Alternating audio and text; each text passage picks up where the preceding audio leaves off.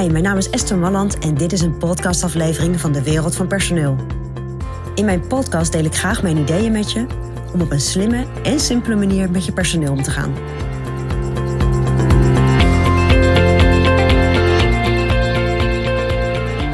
Hi, dit is Esther Malland vanuit de Wereld van Personeel. Stel, je hebt een zwaar gesprek gehad met je medewerker over zijn functioneren. En de volgende dag meldt hij zich ziek. Ja, het is een lastige situatie. Maar het is belangrijk om wat jij dan doet op dat moment. Want accepteer jij gewoon die ziekmelding als ziekte? Of doe je het volgende?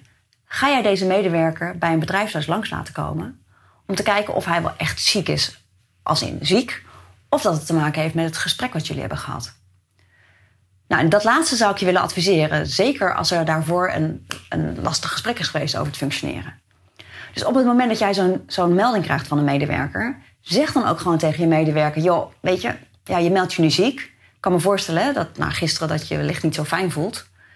Maar omdat het echt na gisteren is, of misschien na een dag daarvoor, ja, wil ik wel kijken of het echt ziekte is of dat het gewoon te maken heeft met het gesprek wat we hebben gehad.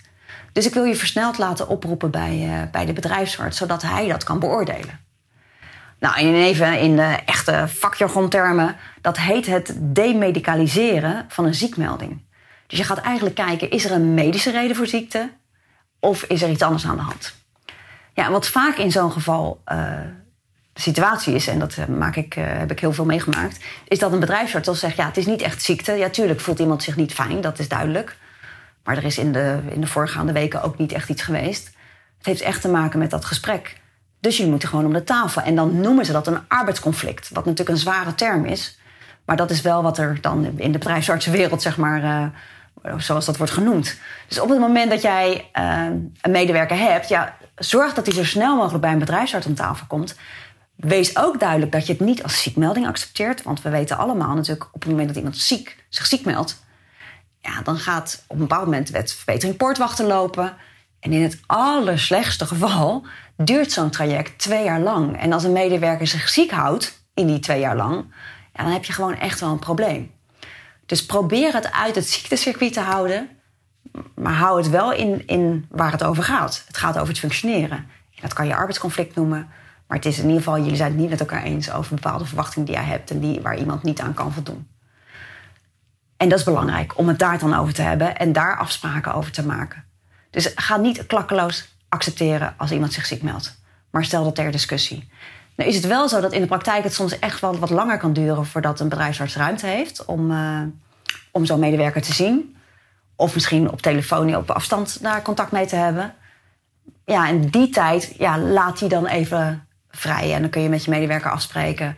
Komt hij dan nog wel werken of komt hij niet werken? Nou, als een medewerker echt weigert te werken omdat hij zich ziek vindt of voelt, laat dat dan eventjes. Want het gaat je veel meer opleveren als je het niet als een ziekmelding registreert.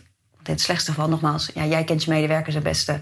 Maar ja, kan dat heel erg lang gerekt worden. En zit jij met kosten en, en gaten in je, in je bezetting die, uh, die je eigenlijk niet wil hebben. Dus gun dan even die dagen aan je medewerker. Maar zorg ervoor dat een, uiteindelijk een bedrijfsarts daar een uitspraak over doet. En dan kan je weer verder met je, met je medewerker. Het is geen fijne situatie als, uh, als dit gebeurt. En dat is altijd lastig voor beide partijen. Uh, probeer zoveel mogelijk in gesprek te blijven met je medewerker. Zo goed mogelijk contact te houden.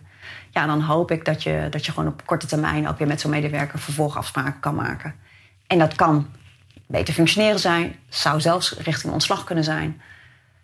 Maar liefst niet in het ziektecircuit op het moment dat het eigenlijk geen ziekte is. Nou, dat is mijn persoonlijk advies vanuit de wereld van personeel.